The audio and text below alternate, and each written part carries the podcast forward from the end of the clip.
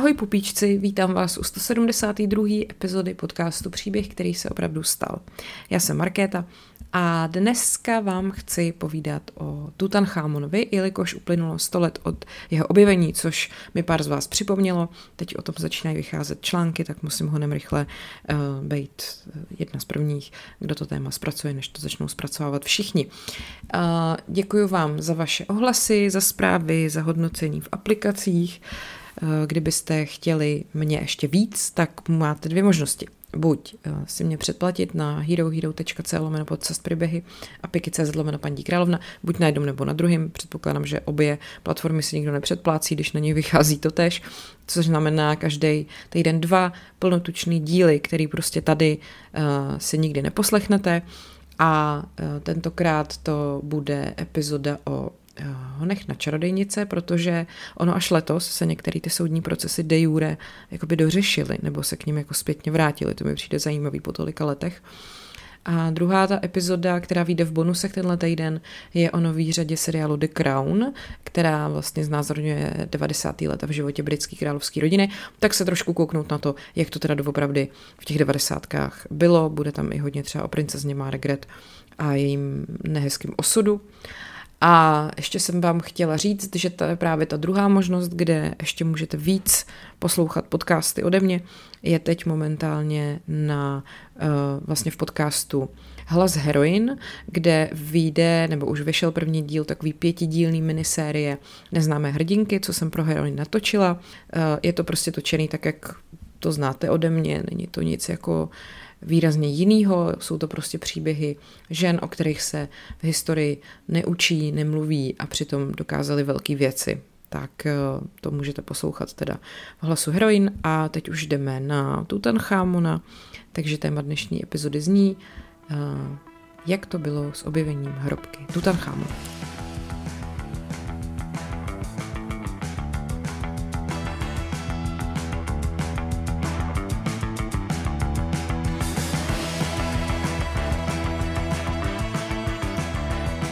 Objev hrobky Tutanchamona se uh, pojí se jménem Howarda Cartera, což byl egyptolog, uh, který, nebo britský archeolog, který vlastně ten objev té Tutanchamonovy hrobky vedl před stolety.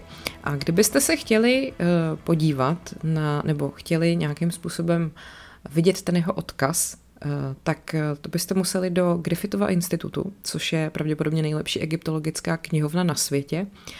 A uh, mimochodem, tady ten, uh, tady ten institut, vlastně ten archiv, spravuje Čech. Jmenuje se uh, Jaromír Málek a je to egyptolog, který vlastně se narodil v Přibyslavi od 60. let že v Británii. On už je teda v důchodu, ale mm, prostě když třeba tady jsem četla článek jednoho novináře, který se tam vydal, tak ten Málek ho tam právě provázel. To mi přijde dost zajímavý. Tak, ten příběh toho Carterova neuvěřitelného nálezu podle mě už byl vyprávěný tolikrát, že už se z toho stává takový trošku mýtus. Ty uh, některé detaily uh, jsou jako furt opakovaný, ale jiný se třeba z toho zase vytratili a hustý je, že právě v tom Griffithově institutu najdete všechny ty zápisníky, náčrtky, deníky, diagramy, které obsahují ty myšlenky a dojmy třeba toho Cartera, který on si zaznamenával fakt jako úplně z první ruky. Historička z jejíhož článku taky vycházím, která se jmenuje Joe Marchant, právě třeba tady z těch, těch zápisků a různých poznámek toho Cartera eh, vycházela v roce 2013 pro svoji knížku Král stínu The Shadow King, eh, kde vlastně mm, jako se zabývá právě Tutanchamonem i takovou tou obsesí lidí eh, tou jeho osobou. Tak, pojďme se teda podívat na to, co byl Carter zač. Ty jeho umělecké schopnosti který měl, byl vůbec vlastně důvod, proč on se vydal do Egypta. On se narodil v roce v Londýně v roce 1874 jako nejmladší z osmi žijících dětí a jeho otec maloval portréty zvířat, hlavně psů a koní, což je podle mě skvělá zpráva pro čtenáře koně a psa.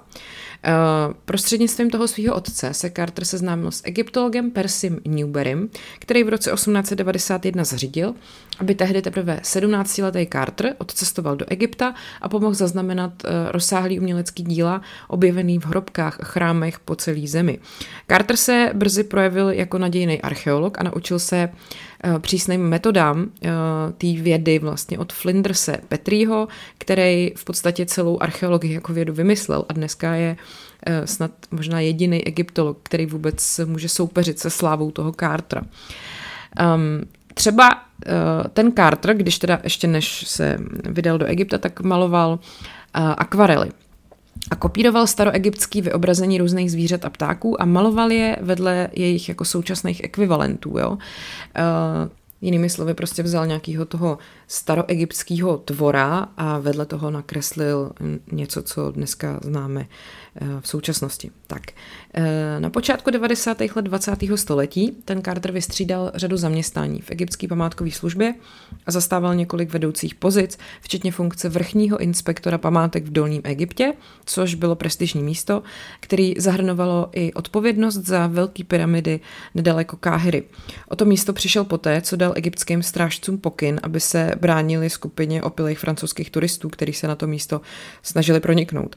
No a po skončení kariéry v tady té službě se Carter přestěhoval do města Luxor eh, v Jižním Egyptě a živil se prodejem svých akvarelů turistům. To je docela, docela zábavná, uh, zábavný twist prostě, když si vezmete, že jako největší nebo nejslavnější archeolog světa o pár let dřív, než učinil svůj největší objev, tak byl takový umělec Karlova mostu v podstatě. A jedním z nejúspěšnějších vykopávek nebo takhle, jedním z nejúspěšnějších na vykopávkách byl americký právník na penzi jménem Theodore Davis, který měl obrovský mění, ale on neměl trpělivost s takovými těmi vědeckými postupama. Většina e, královských odpočívadel, které byly nalezeny v údolí, v údolí králů, byla ve starověku vypleněná a vyprázdněná, ale Davis právě objevil několik neporušených hrobek z druhé poloviny velké egyptské 18. dynastie, datovaný do doby před 3300 lety. A patřily mezi ně nedotčený komnaty rodičů královny Tie, e, která žila asi 1390 až 1353 před naším letopočtem. A pak taky záhadná hrobka jménem KV55, v níž byly uloženy poklady a bezejmená mumie, eh, o níž se předpokládá, že patřila týho synovi, vzpůrnému faraonovi Achnatonovi, který zavrhnul tradiční egyptský náboženství a vlastně vybudoval nový hlavní město v poušti v Amarně.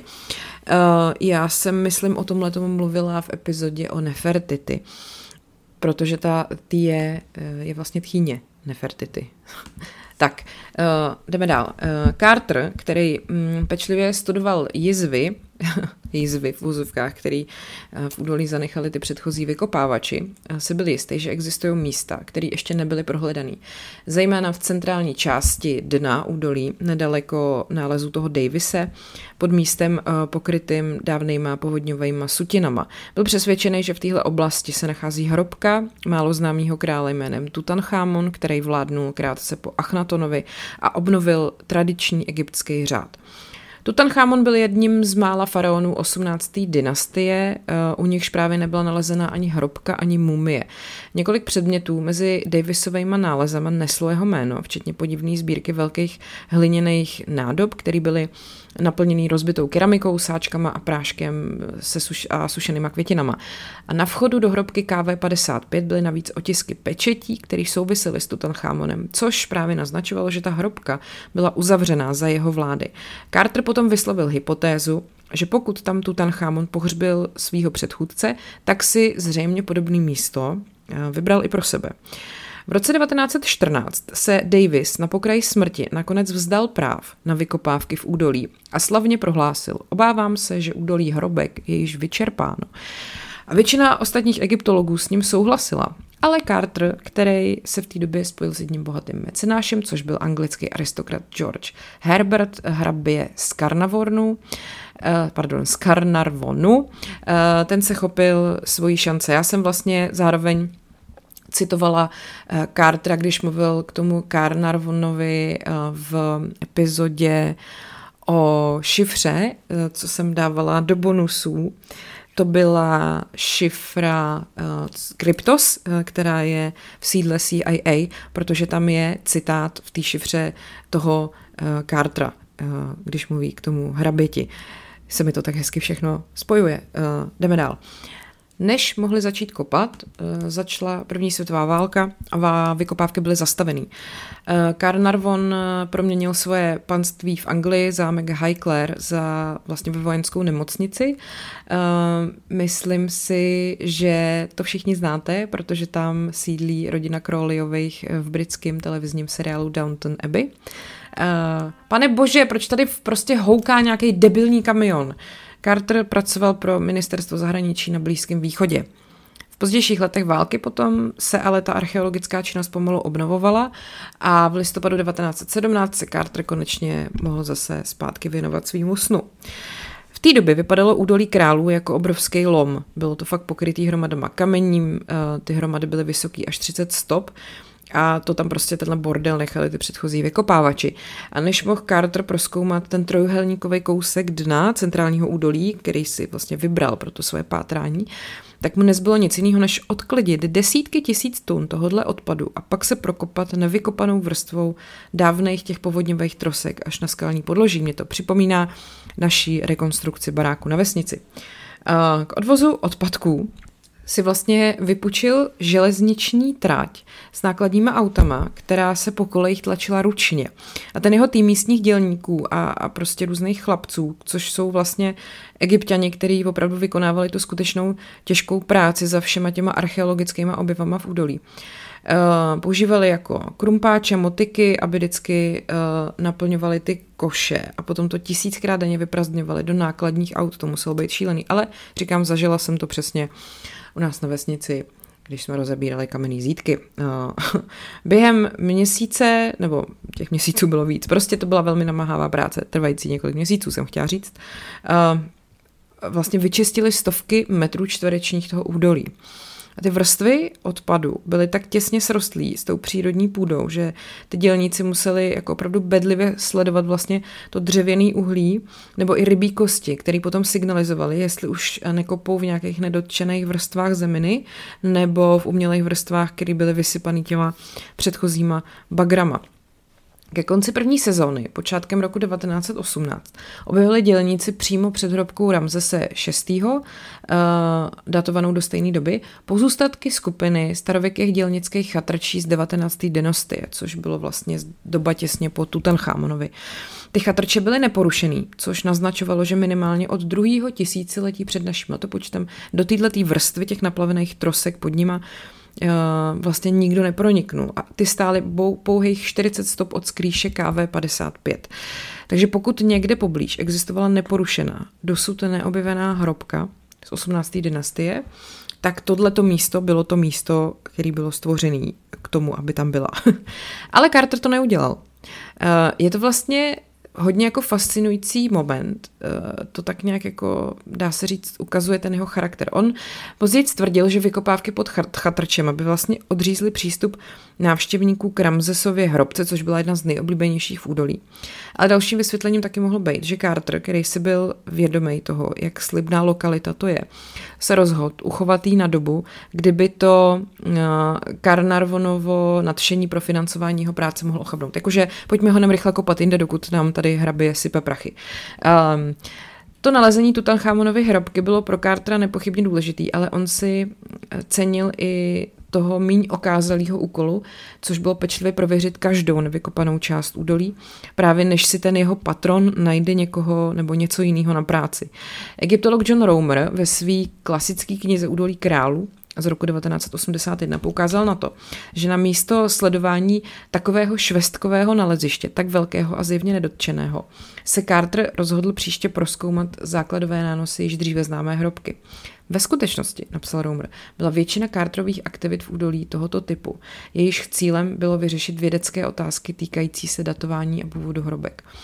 On teda vůbec nebyl takový ten zarputilý lovec hrobek, ale spíš očividně takový docela metodicky uvažující vědec.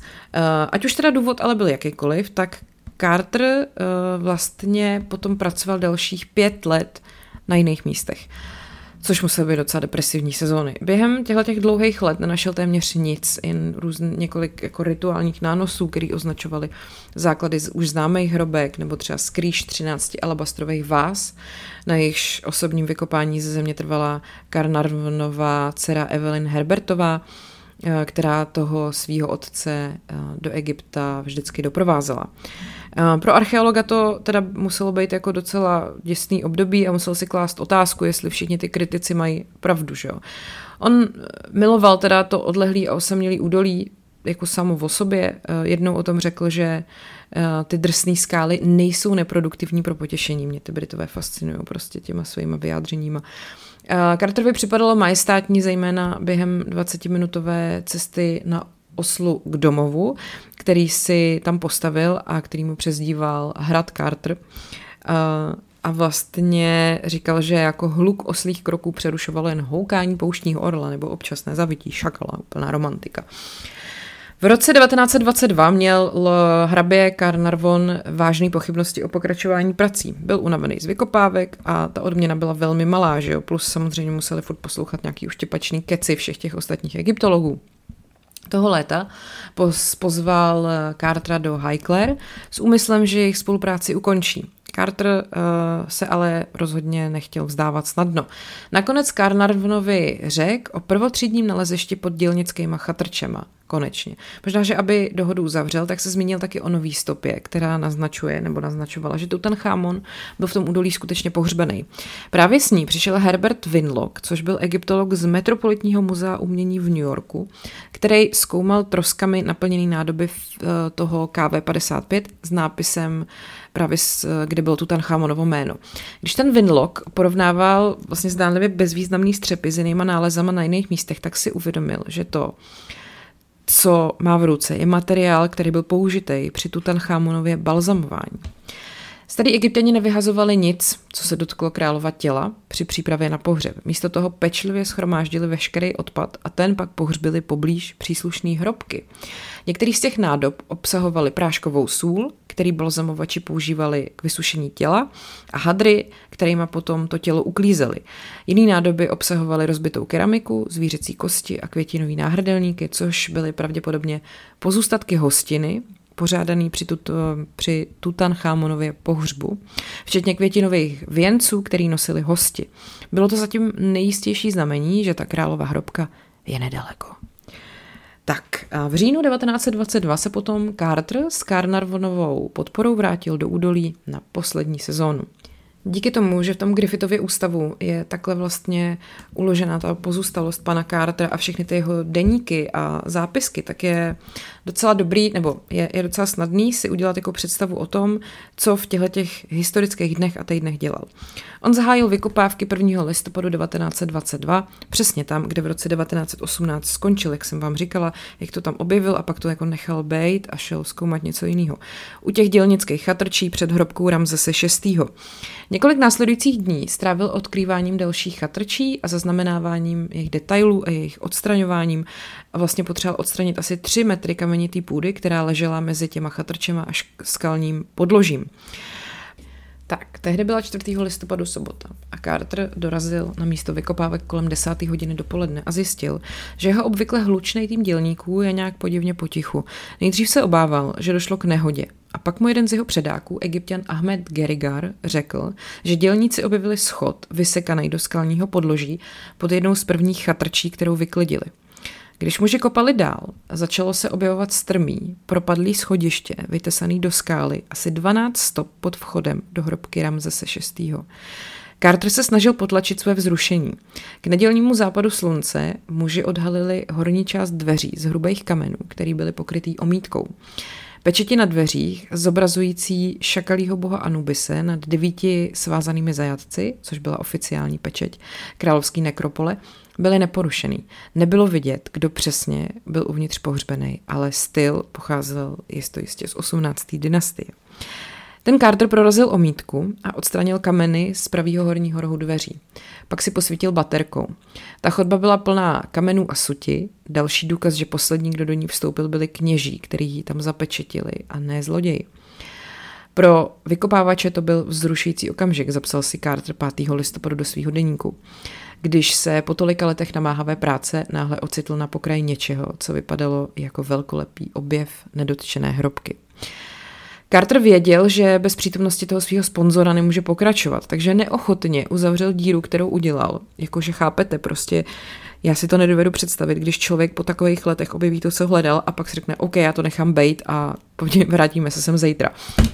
Druhý den ráno, teď jsem se bouchla do ruky, jak jsem z toho úplně to. Uh, druhý den ráno poslal Carnarvonovi uh, na Highclere telegram. Konečně jsem učinil úžasný objev v údolí. Nádherná hrobka s neporušenými pečetěmi, vyzvednuta tamtéž k vašemu příjezdu. Blahopřeji. A následujícího dne teda ty dělníci horečně pracovali, aby ten nález hlavně ochránili před lupičem. Zakryli dveře a schody a pak přes vchod, eh, před vchod eh, navalili balvany. Ta hrobka vlastně zmizela a Carter se přistihnul dokonce nad tím, že přemýšlí, jestli ten nález vůbec byl reálný. Právě vychází z těch jeho poznámek. Několik eh, následujících týdnů potom strávil přípravama na otevření hrobky a najímáním personálu, včetně Artra Kellendra, což byl jeho starý přítel a vysloužili železniční inženýr, který měl být vlastně pravou rukou při té nadcházející práci. Tak, Carnarvon a jeho dcera přijeli do Luxoru 22. listopadu.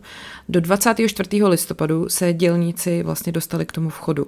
Potom byla poprvé odkrytá spodní část dveří a na dveří byly otisky pečetí zobrazující koš, skarabea a sluneční kotouč, což prostě nemohl být nikdo jiný, což je kartušník jako toho Tutanchamona. Dělníci strhli hrubý uh, kameny, uh, jako, jakoby ty jakože dveře a začali vyprazňovat chodbu za nima. V neděli 26. listopadu odpoledne, po tom, co vyčistili tu strmou chodbu, která byla dlouhá asi 30 stop, došli dělníci k druhým zapečetěným dveřím. Carter opět ostranil kameny a udělal v horním rohu otvor. Do tmy zapíchnul železnou zkušební tyč a pak zapálil svíčku, aby zkontroloval, zda je vzduch bezpečný k dýchání. Ujistil se, že vzduch není jedovatý, rozšířil otvor a nahlédnul dovnitř. Za ním netrpělivě čekali Carnarvon, Herbert, Kellender a další egyptský, několik egyptských předáků.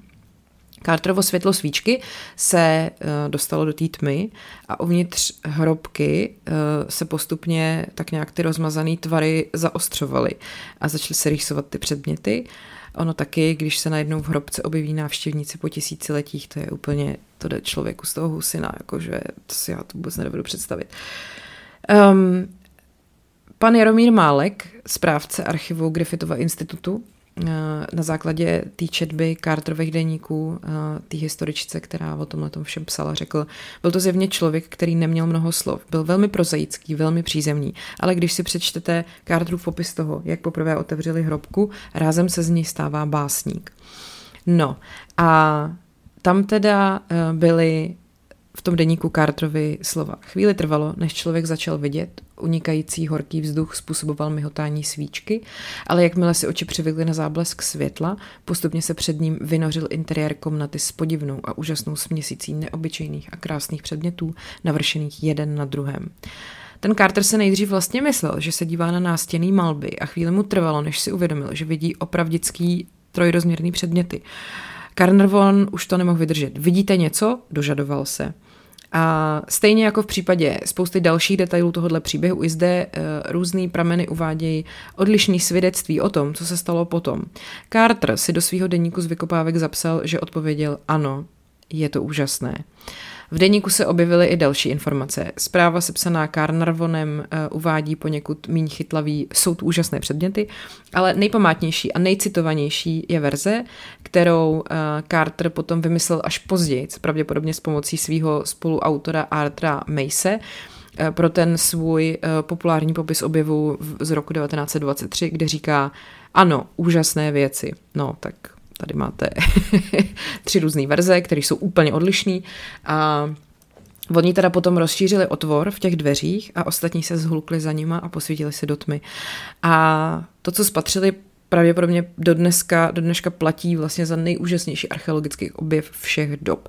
Ze tmy komnaty čnili dvě ebenově černé sochy krále se zlatýma holema, kiltama a sandálema, pozlacený pohovky s hlavama podivných zvířat, nádherně malovaný ozdobný truhly, sušený květiny, alabastrový vázy, podivný černý svatyně, které byly pozlacený z zdobený pozlaceným takovým nestvůrným hadem, bílý truhly, jemně vyřezávaný židle, zlatý trůn, hromada podivných bílých schránek ve tvaru vajíček, stoličky nejrůznějších tvarů a vzorů a změť převrácených částí vozů, kterých se, eh, prostě všechno to bylo zlatý. Eh, takový v podstatě snový sídlo eh, rodiny Štikových nebo Nory Mojsejový třeba. Carter si 26. listopadu do svého deníku zapsal, že nejde ani tak, že to ani nevypadá jako uspořádaná královská hrobka, ale o místnost s majetkem zaniklý civilizace. Ta zpráva o objevu se rychle rozšířila a s ní samozřejmě i spousta různých báchorek. Eh, podle jedné z místních legend přistály v údolí tři záhadní letadla a odletěli neznámo kam i s pokladem. No. 29. Eh, listopadu Carter potom uspořádal eh, oficiální otevření předsíně hrobky za účasti různých egyptských a zahraničních novinářů a reportéra třeba z londýnských Timesů. Noviny se rozplývaly nad obsahem té hrobky, jo, že tam byla ta dětská stolička, kuriozní nějaký bronzový hudební nástroje, figuríny, nějaký na, jakoby na paruky, uh, jídlo, včetně srčních, srnčích kýt a podobně. Uh, a vlastně se dá říct, že tímhle tím se archeologie navždy změnila. A Carter, který měl na mále, protože vlastně to byla jeho poslední sezóna se sponzorem, najednou uh, měl před sebou mnohem větší výzvu než jakýkoliv archeolog před ním. Vlastně zaznamenat, vyzvednout a uchovat ty tisíce těch artefaktů z toho přeplněného prostoru, zatímco se na něj vlastně celý svět dívá. Uh, zanedlouho se z údolí králů stala taková malá vesnice, kde vlastně Carter a jeho nově rozšířený tým asistentů, včetně kreslířů, chemika, konzervátora a fotografa, využívali k různým účelům uh, různé hrobky v okolí. Z hrobky, kde byla původně uložena schránka KV55, se stala vlastně temná komora. Uh, ten vchod Eh, zavěs, na ten vchod zavěsili takový ty černý těžký závěsy a v dlouhý úzký chodbě, která vedla do hrobky Setyho druhýho, která byla dlouhá 300 stop a široká 12 stop, si konzervátor Arthur Mace a chemik Alfred Lucas zřídili laboratoř. Hlubší část potom sloužila jako skladiště, zatímco v horní části Byly dřevěný stoly, lavice a police naplněný lahvema s konzervačními materiálem, včetně acetonu, parafínu, celuloidového roztoku a včelího vosku. E, vlastně bylo jako téměř nemožný jako stabilizovat ty předměty, které byly vynášený z té Tutanchamonovy hrobky, protože se mohly při dotyku rozpadnout. Takže vyprázdnění třeba jediný rakve s královským oděvem trvalo tři týdny. Jen na jednom rouchu bylo víc než tři tisíce zlatých takových flitrů a 12 tisíc modrých korálků, z nichž samozřejmě každýho hrozilo, že odpadne. To je přesně takový ten typ tým bravenčí práce, který já bych nedala. Mně všechno padá z rukou. Tyjo. Já mám pocit, že mám nějakou poruchu. Uh, jako je, pozná se, že jsem v koupelně, takže prostě furt mi padají lahvičky na zem. Jako furt prostě. já nevím, vyzvedávala tu Tarchamonovu hrobku. tak mi podle mě zbyde v ruce jenom jedna ta zlatá hůl prostě. Vylezu, řeknu sorry, nic jiného jsem nedokázala zachránit. No, nic jsem dál. Uh, Mezitím se teda do Luxoru samozřejmě hrnuli tisíce turistů a novinářů a město bylo zaplavený novinovými depešema. Dokonce tam byly položeny tři nové telegrafní linky přímo do Káhyry a místní nemocnice byla přeměněná na telegrafní kancelář. Takže pokud jste prostě zrovna v Luxoru třeba měli zánět slepáku, tak jste měli smůlu, protože z nemocnice byl kancel. Eh, dva největší hotely v Luxoru, hotely v Luxoru postavili na svých zahradách stany a žádali hosty, aby spali na vojenských lůžkách. To je výborný. Návštěvníci potom každý den eh, překonávali řeku na dřevěných plachetnicích, které se nazývají feluky a potom vlastně se vydávali do údolí na oslech a nebo na vozících s pískem nebo na drožkách tažených koňma. Tam se uh, vždycky zabydleli na takový zítce kolem horní části Tutanchamonovy hrobky a přibližně jednou denně Carterův tým vynášel nejnověji vyzvednutý předměty a v konvoji je odvážel do laboratoře. Uh, ty neocenitelné artefakty na těch dřevěných nosítkách to vypadalo, jak když vynášíte nějaký válečný oběti, jo, protože byly zabalený v různých uh, obvazech a podobně. Uh, sám Carter byl samozřejmě bombardovaný dopisama telegrama. Dovedete si představit, kdyby, byl, kdyby byly tehdy sociální sítě, co by se dělo, kdyby byl třeba na Twitteru prostě. Uh, gratulace, že jo, nabídky pomoci, žádosti o suvenýry, nabídky peněz za všechno, filmový práva, autorský práva, egyptská moda, oblékání, prostě všechno, co si umíte představit. Taky dostával spoustu nevyžádaných rad, jak chránit starožitnosti a jak uklidnit zlé duchy. Přesně, kdyby byl na Instagramu a teď tam prostě dal fotku vyzvedávání hrobky, prostě hashtag ty vole Tutanchamon a teď mu najednou přijde prostě 40 zpráv. Hele, jestli si tam našel tohle, tak hlavně opatrně, musíš prostě tohle a tohle. Mně se to tuhle stalo, takže, no, znáte to. Nevyžádaný rady prostě na Instagramu. Uh, obuvníci chtěli design královských střevíců a obchodníci s potravinama chtěli balíčky s mumifikovanýma potravinama asi si mysleli, že budou konzervovaný, že to někde střelej, nevím. Eh, nakonec měl obsah hrobky čítat víc než pět fucking tisíc položek. Během následujících osmi let Carter pečlivě prošel čtyři hustě zaplněné komory a odhalil poklady od šperků a modelů lodí až po lovecký vozy a vějíř z pštrosích per. Nejhlubší komnatu, která je přezdívaná pokladnice, střežil obrovský černý šakal, představující boha Anubise s plátěným takovým pláštěm, límcem z modrých květů, stříbrnýma drápama a zlatýma ušima a očima. Já bych se tam posrala strachy, vám říkám. Zajímavý je, že se tam přece jenom uh, našly nějaký otisky prstů a takový jako špinavý stopy v nádobách s voným olejem. Prostě se ukázalo, že tam opravdu někdy dávno nějaký lupiči byly, ale moc jim toho neprošlo.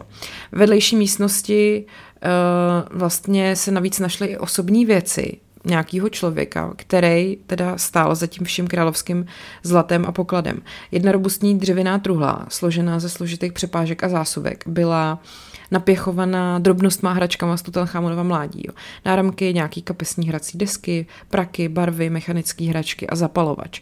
A podrobnosti o tom všem si potom Carter právě poznamenal na víc než 3500 poznámkových lístků a na stovky stránek svého deníku.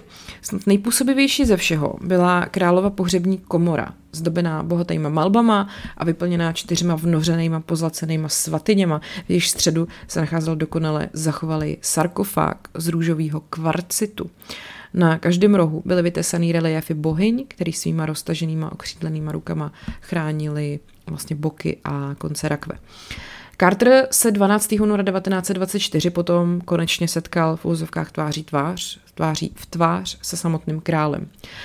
To už byl hrabě Carnarvon téměř rok mrtvej, protože utrpěl otravu krve, kterou mu způsobila infekce poté, co si při holení rozříznul horní část komářího štípance.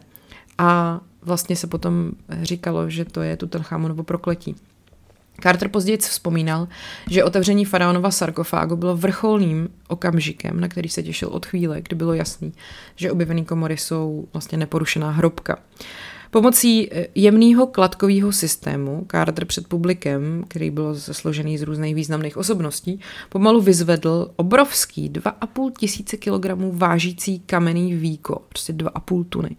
A uvnitř byl teda obsah zahalený v takovém rubáši, když to obklopil, odklopil, napsal Carter, zertu nám unikl údiv, tak nádherný pohled se nám naskytl.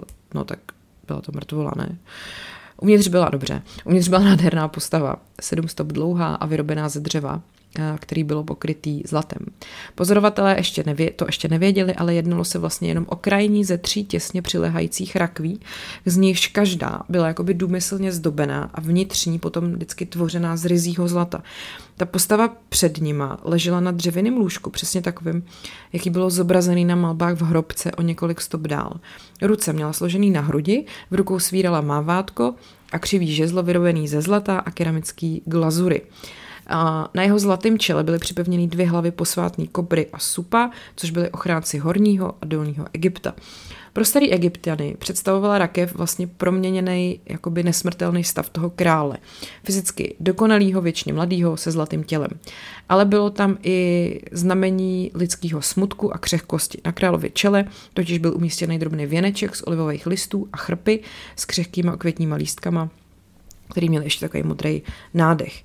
Mnoho znepokojivých pocitů, napsal Carter. Většina z nich byla bez hlasu, ale v tom tichu naslouchat téměř jste mohli slyšet přízračné kroky odcházejících truchlících.